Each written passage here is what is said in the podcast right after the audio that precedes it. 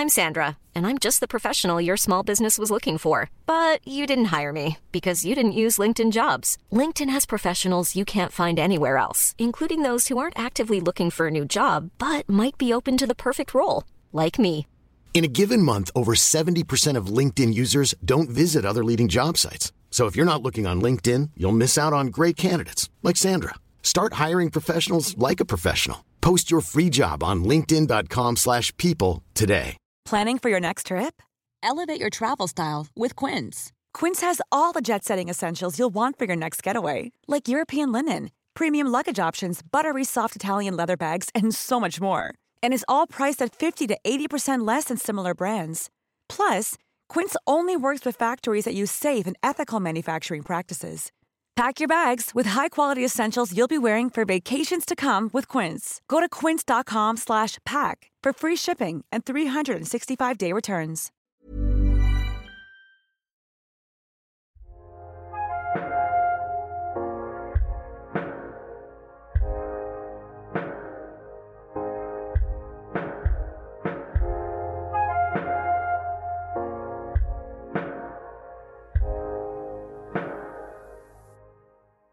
Welcome to Stories from Humans to Humans, a podcast where people tell their stories. I veckans avsnitt får vi ta del av historia när hon kom ut som bisexuell och möttes då av stora svårigheter från vissa håll eftersom hon är uppvuxen i en fri religiös församling. Men nog med detta, nu får ni ta och slå er ner och njuta av denna berättelse så säger vi varmt välkommen. Tack så mycket.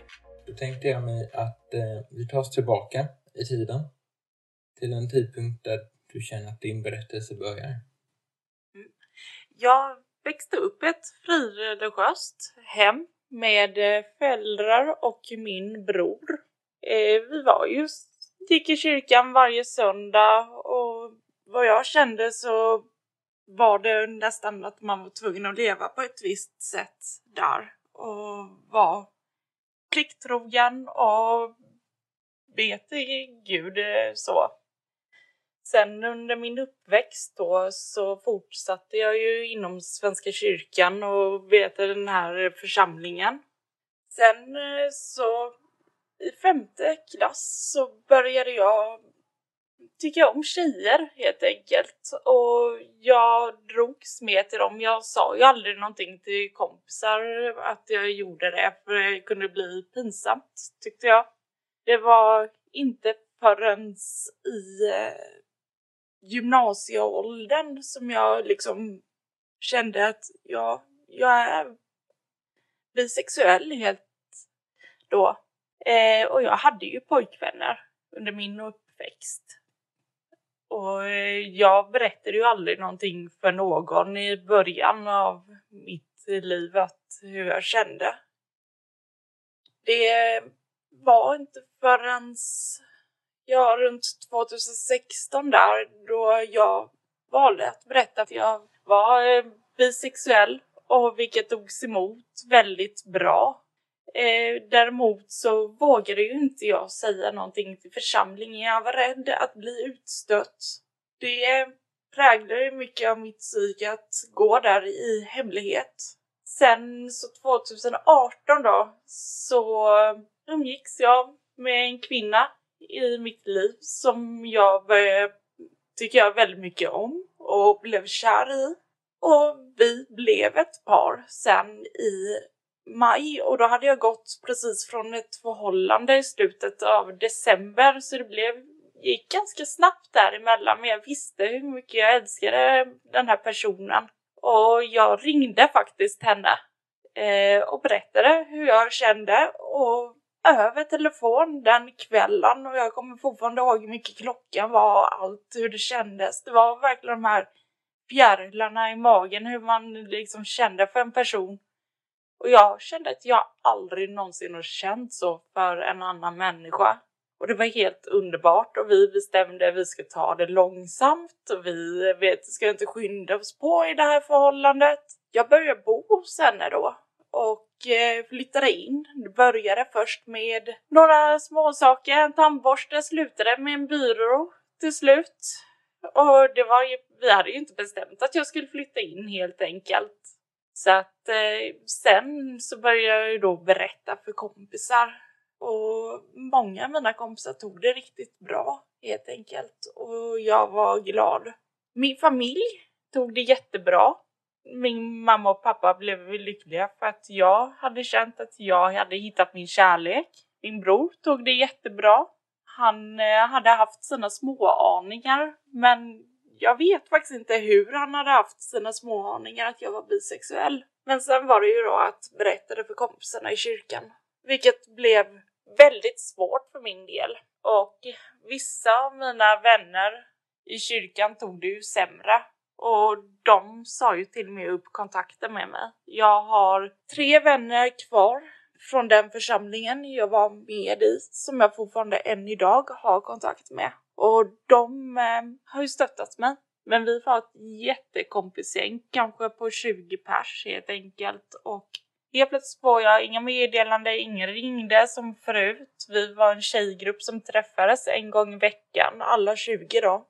Sen så bestämde jag och mig och min fru att vi skulle gifta oss och kände att men hur ska jag förklara det här för den scoutkåren som jag var med i som var kristen. Det blev helt enkelt att jag började berätta det för några då och det här spred sig ju väldigt fort i församlingen och jag märkte ju att folk slutade prata med mig till och med i själva församlingen när vi väl gifte oss 2019 så hade jag ju bjudit in flera till vigselakten av församlingen och det var faktiskt bara fyra stycken som dök upp på vigselakten. Vilket jag kände att nej men jag har ju växt upp med de här hela mitt liv och eh, alla de övriga jag hade bjudit in visste jag ju liksom då inte vart de var längre. Jag blev till och med utstött av scoutkåren. De slutade höra av sig på ledamöten och jag tror att det tog ett och ett halvt år innan jag fick reda på varför att det hade blivit som det blivit. Och det var bland annat för att jag var bisexuell och Eh, att jag hade så mycket med mitt bröllop att göra. sa de, och du har ju psykisk ohälsa så du har väl så mycket annat för dig och att eh, du mår dåligt. Det var det jag fick höra av en kompis då när jag hade frågat flera gånger så fick jag det svaret av henne. Och jag mådde inte särskilt bra då efteråt. För då visste jag ju vad folk tänkte och tyckte. Och när vi ska gifta oss faktiskt så letade vi efter vigselförrättare och en präst då. Och eh, jag frågade en av mina gamla präster som jag hade växt upp med i ett antal år om han ville viga oss. Och eh, då frågade han vad min man, blivande man hette och då sa jag hon heter Therese. Och då blev hon jaså, du är en sån där person? Och han sen kom flera ursäkter under vårt samtal vi hade och till slut så säger han ju då jag är mot äktenskap av samma kön så jag kan inte göra det. Präster har ju rätt att neka personer om de inte vill viga då. Men det slutade med att vi fick en vigselförrättare och vi var jättenöjda över vårt val hon jobbade just med hbtqi plus frågor.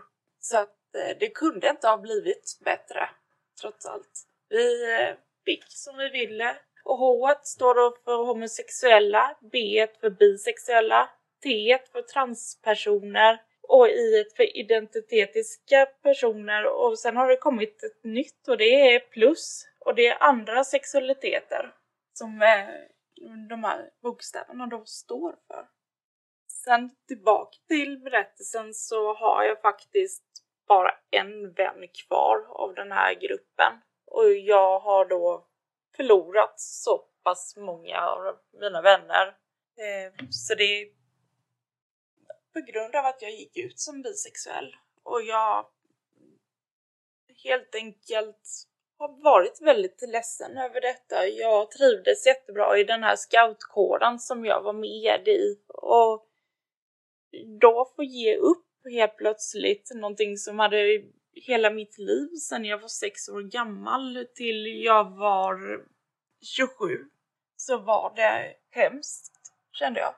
Nu har jag hittat en ny scoutkår som är jätteunderbara och har tagit emot mig precis som jag är och de har accepterat. Det var inget hard feelings, alla har varit jättepositiva och frågat frågor och så. Helt sinnesrubbat tycker jag det här med att dina vänner och scoutkår och hela din omgivning, de här, att det är så många som bara försvinner för en sån enkel sak. Jag tror inte för vem fan man älskar. Nej, men Therese har varit en klippa i mitt liv och hon är fortfarande det. Och hon betyder allt för mig så att hon är mer värd än de vännerna och bekanta som försvann där. De som inte hjälper henne uppåt i livet är inte värda att vara kvar vid sig ändå. Det var det jag kände och det var också det många av mina vänner sa till mig som var där för mig. De vännerna är de personerna som jag är riktigt nära. Och alla i familj och släkt har ju stöttat mig i min berättelse eller om livet då som bisexuell. Någonting som jag alltid tycker, jag som inte är uppvuxen nu då med det kristliga i hemmet eller någon religion relation alls i hemmet så. Är lärare här som du säger att så som jag tolkar det när man hör om allt det här är att man ska älska alla och uppskatta alla och allting. Sen så vänder de ryggen, som du säger här, så fort mm. man bara sticker ut ifrån mängden. Jag var faktiskt och besökte den här frireligiösa kyrkan som jag var med i och jag hälsar ju på väldigt många av mina gamla vänner och även äldre personer och jag märkte ju att de sa inte mer än hej till mig i kyrkan. Det var väldigt hårt faktiskt. Sen dess har jag inte gått dit och det är väl nästan två år sedan. Jag förstår det. Det är, det är sjukt hur, de, hur man kan behandla någon så. Och även den här prästen som lekade har jag varit där en gång och när man går ut ur den kyrkan så hälsar man på varandra när man går ut och prästen står i dörröppningen. Men jag fick inget handslag och det är också en sån grej som har jag har funderat väldigt mycket på varför. Är det för att jag var är bisexuell eller gjorde han bara inte det med mig? Det är inte rätt sätt att behandla någon människa på. Man ska inte göra sådär. Jag har ju också varit i andra kyrkor efteråt och besökt och jag har då mött, det var en diakon faktiskt som började prata väldigt illa med bisexuella och hbtqi-personer. Och då nämnde jag bara, men tycker du att jag är så hemsk? Jag är hbtqi plus person. Och den, hon ryggade tillbaka väldigt mycket. Jag har även haft en kompis som eh, hon var ganska nära då just under den tiden. Och hon hade ju emot hbtqi-personer egentligen, sa hon. Men jag var ett undantag. Jag känner lite människor som är sådana om eh, andra typer av individer eller folkgrupper som säger det att de är det värsta tills de har bevisat motsatsen. Jag tycker det är så fel att ha den åsikten. Bättre att du tycker om en människa tills den har bevisat motsatsen. Ja, jag känner det är inte det. Det är själva personen som man är som kompis, vän, familjemedlem som eh, blir accepterad helt enkelt. Och sen vilken läggning man har ska inte spela någon roll.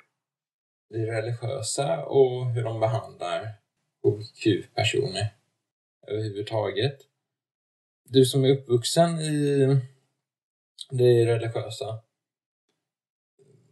Om du tänker på all den uppväxt och fostran du har fått med att se på människor.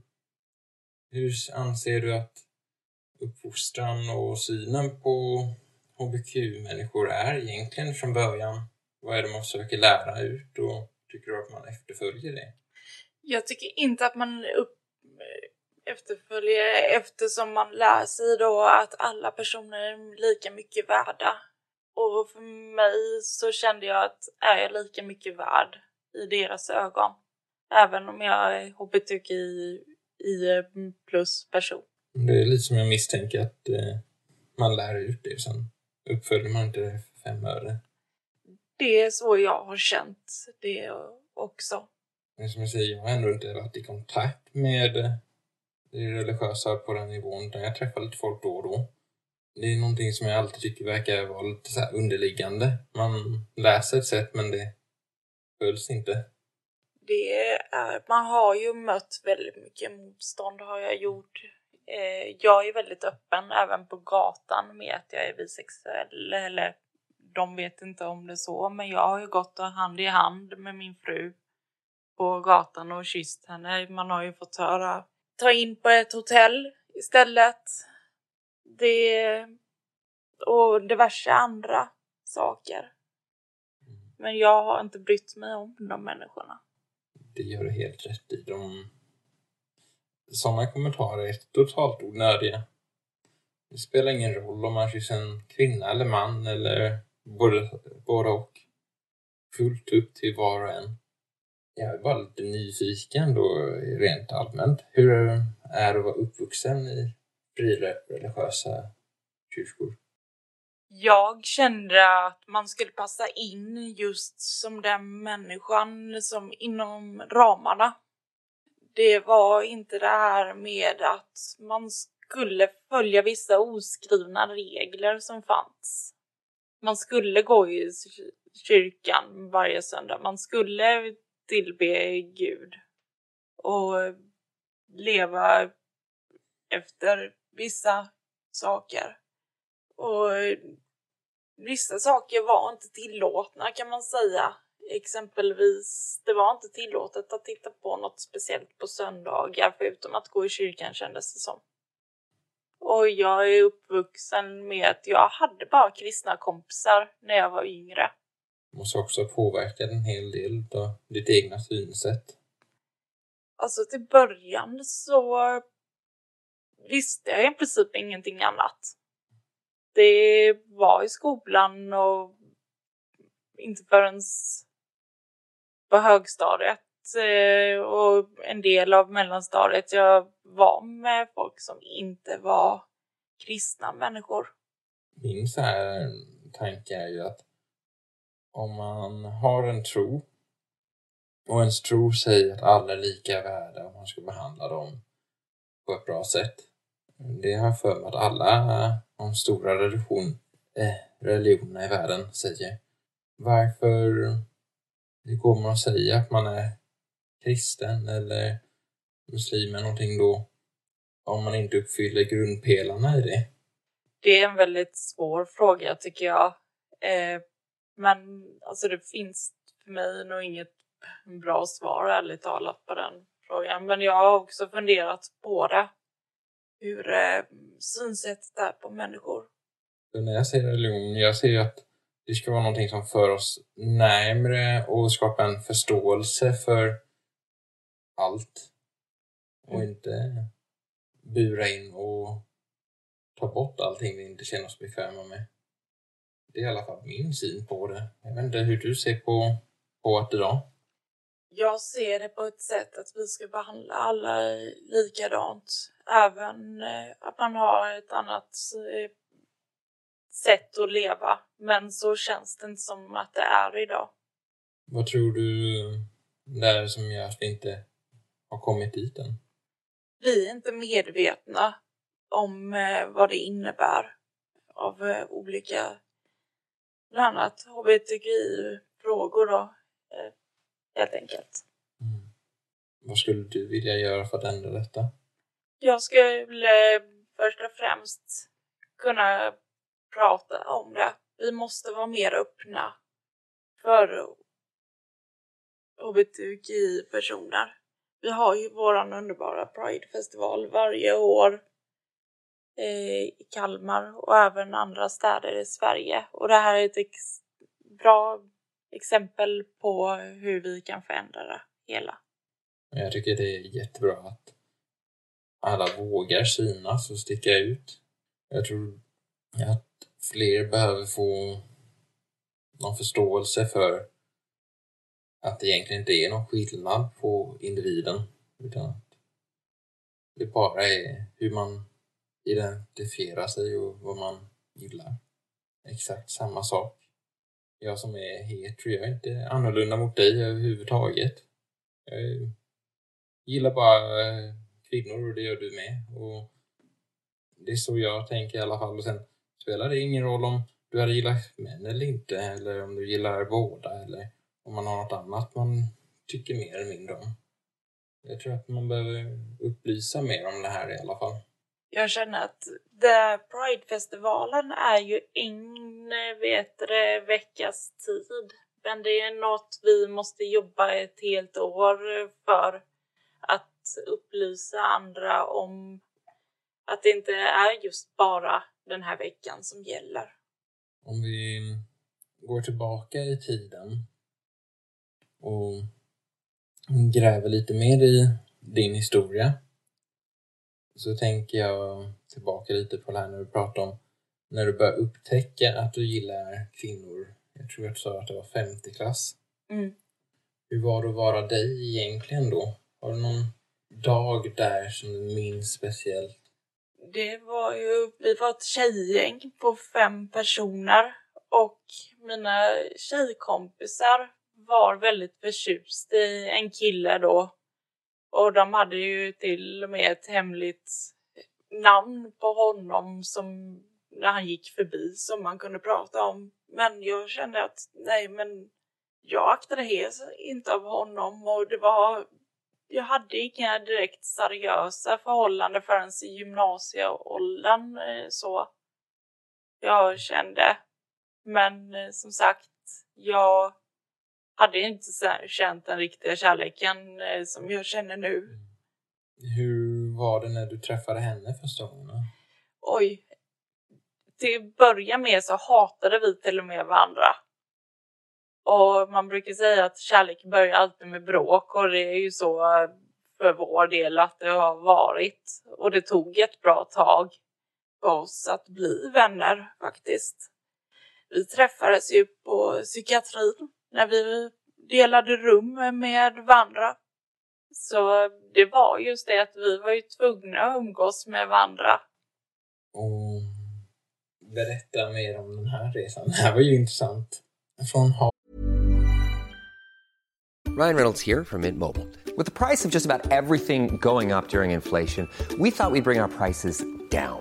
So to help us, we brought in a reverse auctioneer, which is apparently a thing. Mint Mobile unlimited premium wireless. Have to get 30, 30, bit to get 30, bit to get 20, 20, 20, bit to get 20, 20, bit to get 15, 15, 15, 15 just 15 bucks a month. So, Give it a try at mintmobile.com/switch. slash $45 up front for 3 months plus taxes and fees. Promo for new customers for limited time. Unlimited more than 40 gigabytes per month slows. Full terms at mintmobile.com. Hi, I'm Daniel, founder of Pretty Litter. Did you know cats tend to hide symptoms of sickness and pain? I learned this the hard way after losing my cat, Gingy. So I created Pretty Litter, a health monitoring litter that helps detect early signs of illness by changing colors, saving you money and potentially your cat's life. Pretty Litter is veterinarian developed, and it's the easiest way to keep tabs on your fur baby's health right at home. Go to prettylitter.com and use code ACAST for 20% off your first order and a free cat toy. Terms and conditions apply. See site for details. Millions of people have lost weight with personalized plans from Noom, like Evan, who can't stand salads and still lost 50 pounds. Salads, generally, for most people, are the easy button, right? For me, that wasn't an option. I never really was a salad guy. That's just not who I am. But Noom worked for me. Get your personalized plan today at Noom.com. Real Noom user compensated to provide their story. In four weeks, the typical Noom user can expect to lose one to two pounds per week. Individual results may vary. Everyone knows therapy is great for solving problems, but getting therapy has its own problems too, like finding the right therapist, fitting into their schedule, and of course, the cost. Well, BetterHelp can solve those problems. It's totally online and built around your schedule. It's surprisingly affordable too. Connect with a credentialed therapist by phone, video, or online chat, all from the comfort of your home. Visit betterhelp.com to learn more and save 10% on your first month. That's BetterHelp H E L P. Till kärlek.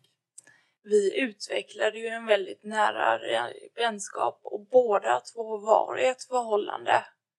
hon var gift och jag var tillsammans med en som jag även var förlovad med några år senare.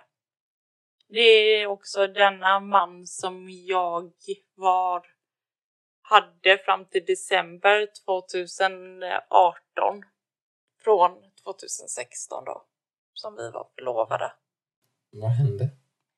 Oj. Eh, nej, men vi blev ju som sagt väldigt nära vänner och vi umgicks ju flera dagar i veckan och jag bodde ju ibland även hemma hos henne och hennes man. Till och med så anklagade ju han henne för att vara otrogen med mig för att vi var så pass nära och hade en relation där.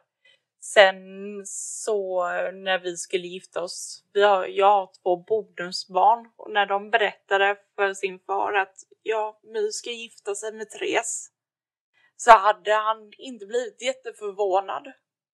Och det kan ju bero på att han kanske hade en hint om att vi skulle vara tillsammans fast hon var gift. Idag så har vi väldigt bra kontakt med hennes exmake trots det.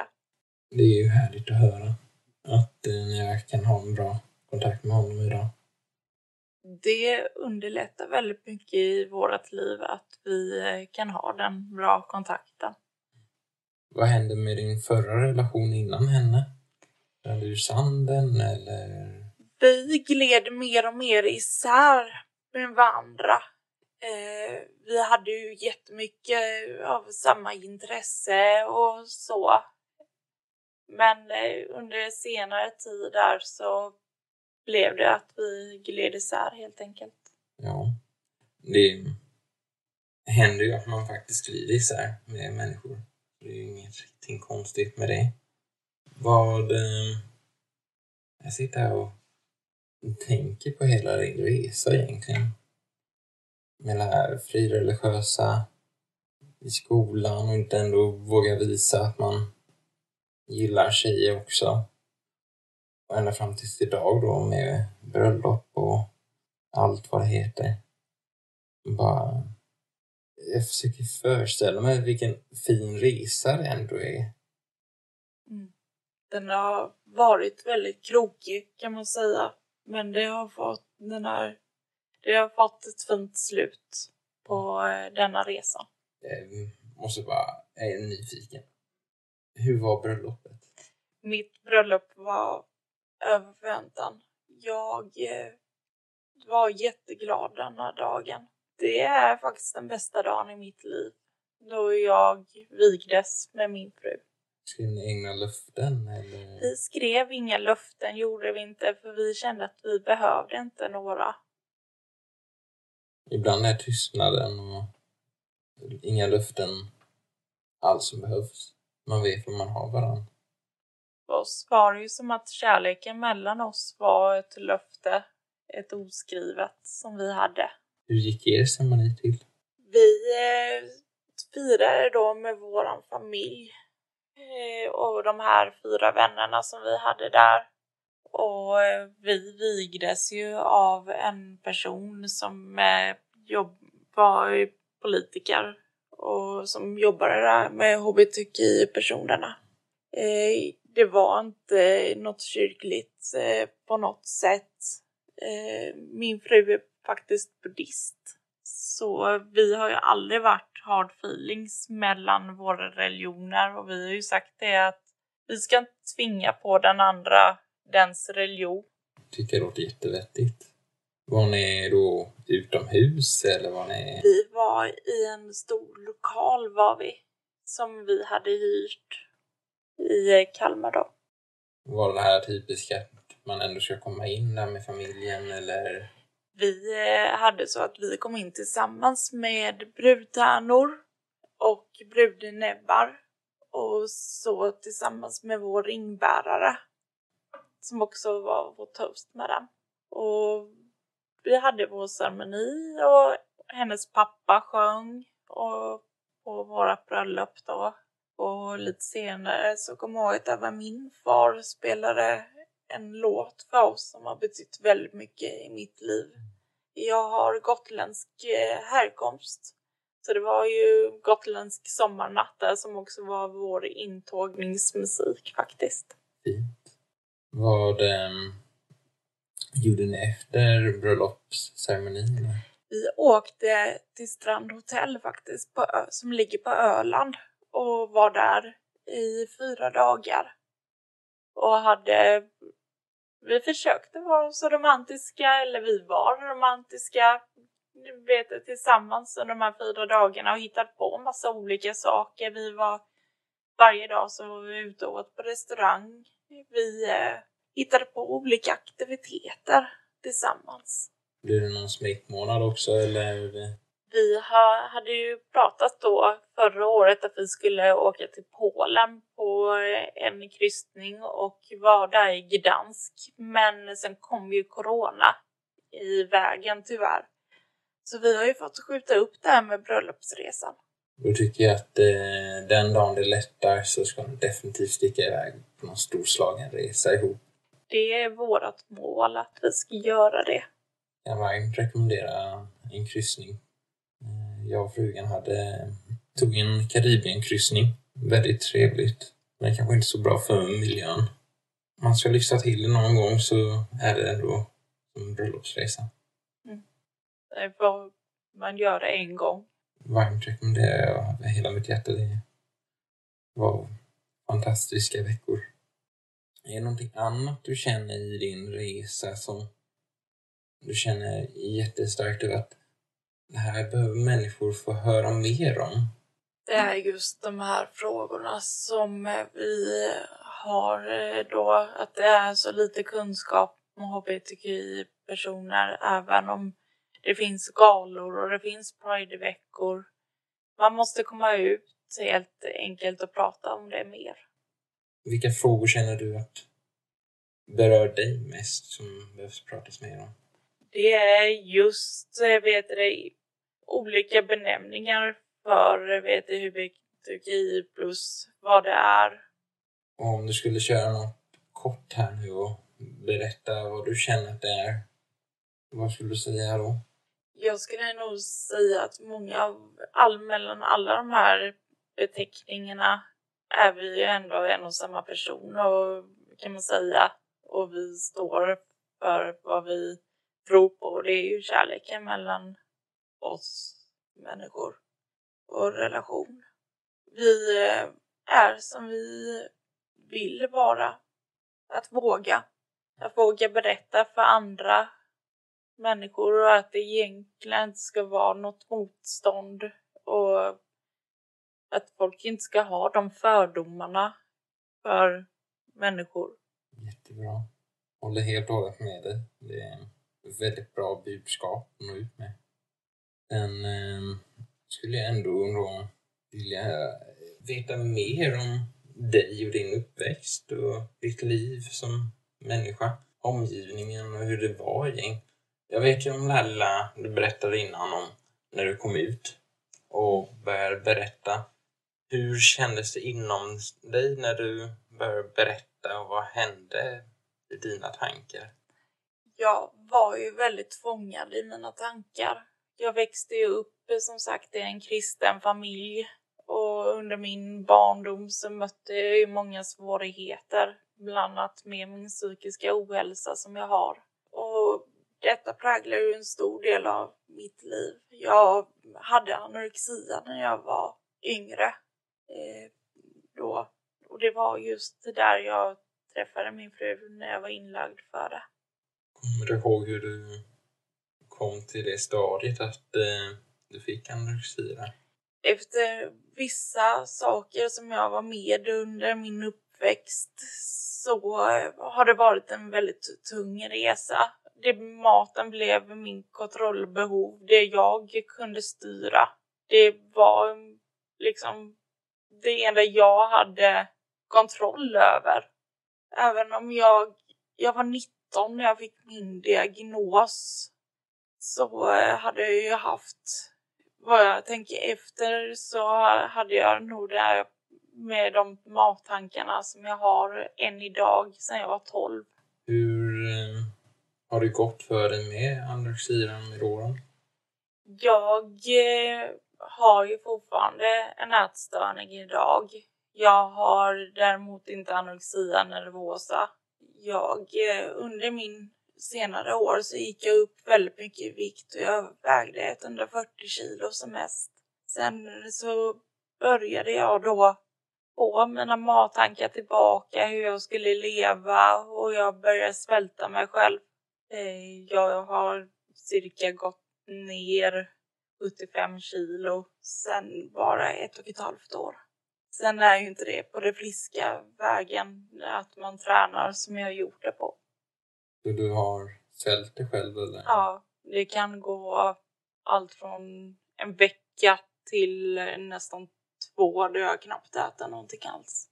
Så det har ju betytt väldigt mycket näringsdrycker för mig under min uppväxt nu och så. Känner du att du får någon stöd eller hjälp för att hitta ett hälsosamt sätt att leva med mat? Jag går idag hos en och samtalar mycket. Eh, vi träffas ju en gång i veckan och av eh, den här personen så känner jag att jag får mycket stöd. Jag har ju även en läkarkontakt kontinuerligt som vi pratar mycket om maten just nu. Jag får ju stöd från eh, min familj eh, och min fru självklart. Mina vänner. Så väldigt jobbigt det här, tänker jag mig. Ha så ohälsam relation med mat. Mm. Låter inget vidare. Jag är väldigt rädd för att äta tyvärr. Och detta har ju gjort det väldigt svårt i mitt umgänge också. Att man vågar inte gå på kaféer, man vågar inte äta inför folk. Jag beklagar. Mat är, är väldigt socialt. Mm. Eh, men det är just det, precis som du sa, att det är en del att komma ut och träffa vänner. Just det här med att ta en fika, gå och äta någonstans. Jag vågar ju inte göra det idag för att jag har väldigt stora problem att någon ser mig när jag äter. Och då får jag väldigt hög ångest för det. Känner du att du har någon plan i livet på som kanske kan leda till att du får en bättre relation med det? Just nu så känner jag att det inte finns någon plan. Samtidigt som man vet om att jag har en eh, ätstörning så vill jag samtidigt inte bli frisk riktigt från den på något sätt. Det är just att jag känner att det är det enda jag har kontrollbehov av. Att det är det enda jag kan styra. Jag förstår det här med att man vill ha kontrollen över någonting.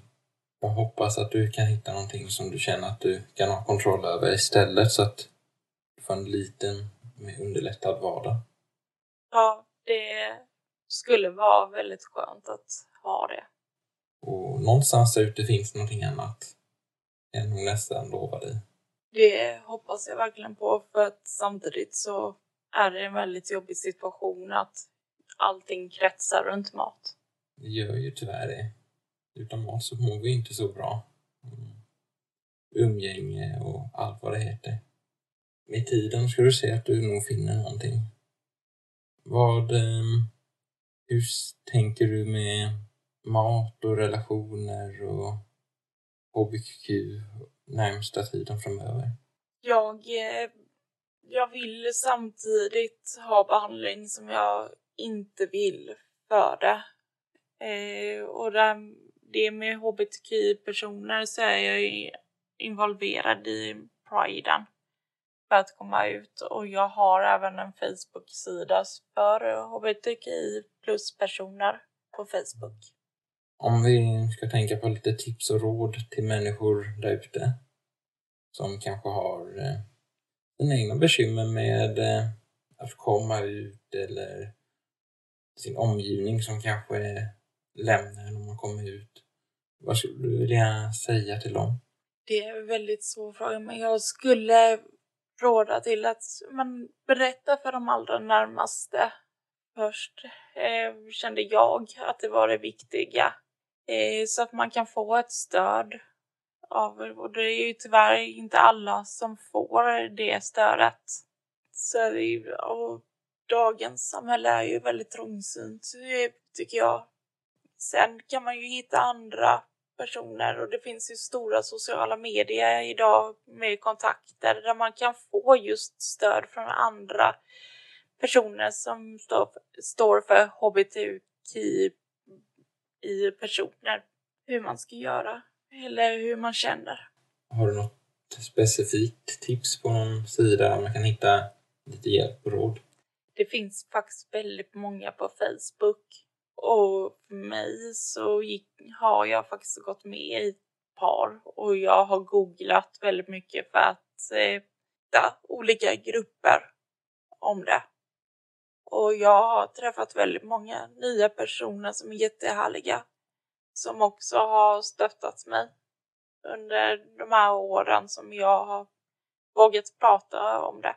Vad bra att du har fått träffa många. Vad skulle du vilja säga till alla de där ute?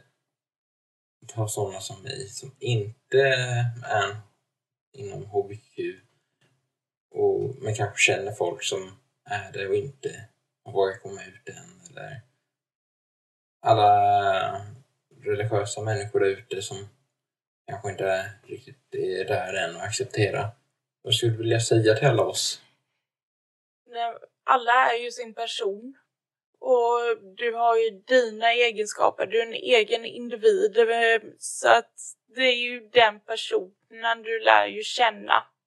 Och sen så är det ju de här frågorna som den lägger fram och den, just den sexuella läggningen. Kom ihåg att den har en egen individ och det är den personen. Bara för att man berättar vilken läggning man är så ändras inte vilken människa man är. Nej, det gör det inte. Sen tänkte jag också det här med ätstörningar och sånt. Finns det något du skulle vilja säga till andra som har det där ute? Oj, det är en väldigt svår fråga eftersom jag samtidigt inte vågar släppa taget om det. Men det är att trots att du, man känner att jag måste ha den kontrollen så försök att ta hjälp innan det blir, går för långt. tycker jag låter jättebra. Sen är det ju jättesvår bit att också våga erkänna att jag har en ätstörning. Du kommer ju höra från omgivningen att du har gått ner för mycket i vikt, ta det långsamt, träna inte så mycket. Det stämmer väldigt bra in på hur samhället ser ut idag. Folk har många åsikter. Kanske bättre att fråga hur man mår istället. Mm. Sen eh, allting är ju individen. Vad kan jag göra för dig just? Hur tänker du runt detta?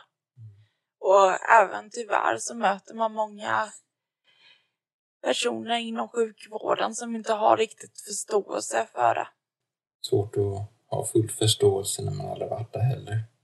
Det är just faktiskt, du tar mig på orden när det gäller det här att det är man har omgivningen har väldigt svårt att förstå. Eh, man, jag känner att jag har fått större stöd av de personer som både har haft ätstörning eller har ätstörning, personer som är hbtqi-personer som lättare kan sätta sig in i ens frågor. Det, det sägs ju nästan själv att har man varit där så är det enklare. Men jag tycker att alla, även vi som inte har varit där, ska ändå ha någon typ av medmänsklighet och visa att det är helt okej. Som sista så här fråga skulle jag bara vilja fråga om du tänker på hela ditt liv fram till idag. Vad är det du känner att du aldrig har berättat för någon som ändå behövs berättas? Oj, det är nog den knivigaste frågan jag någonsin har fått faktiskt. Ehm, jag har väl inte berättat hela min historia för någon, vad som har hänt eh, under min uppväxt. Och jag är väl som person att jag har hållit väldigt mycket eh, bakom mig och att jag vill glömma vissa grejer som har hänt. Och jag har blivit mer öppen som person och jag är nog en person som man också måste fråga frågor för att få svar helt enkelt. Jag märker lite på det. Du har fortfarande än idag lite så här svårt att vilja öppna varje port i dig. Men du verkar vara på en bra bit på din väg. Ja, jag känner att jag är en bra bit på väg när det gäller det. Och eh, jag kommer med tiden antagligen bli mer öppen vad som har hänt och så. Jag skulle vilja tacka dig jättemycket för att du har vågat ställa upp och berätta delar av ditt liv. Tack så jättemycket att jag fick vara med. Jag skulle vilja säga också att den dagen du känner att du är redo att öppna upp dem, alla detaljer och allting, så är du varmt välkommen tillbaka. Tack så jättemycket. Tack. I nästa veckas avsnitt får vi följa Ola som berättar om sitt liv inom kampsport, främst jujutsu, där hans resa började för lite dryga 42 år sedan. Han tar oss med genom massa lärdomar, bland annat om hur han trivdes bäst själv i individuell sport och hur det fick han till att växa. Vi får också ta del av hur det är att vara instruktör och att växa med det. Men nog med denna teaser. Nu får ni se till att ha en fantastisk vecka så hörs vi nästa vecka igen.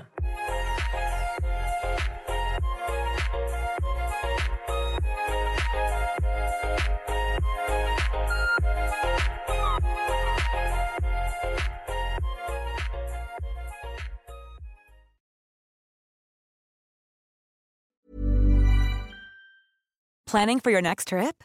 Elevate your travel style with Quince. Quince has all the jet setting essentials you'll want for your next getaway, like European linen, premium luggage options, buttery soft Italian leather bags, and so much more. And is all priced at 50 to 80% less than similar brands. Plus, Quince only works with factories that use safe and ethical manufacturing practices. Pack your bags with high-quality essentials you'll be wearing for vacations to come with Quince. Go to quince.com slash pack for free shipping and 365-day returns.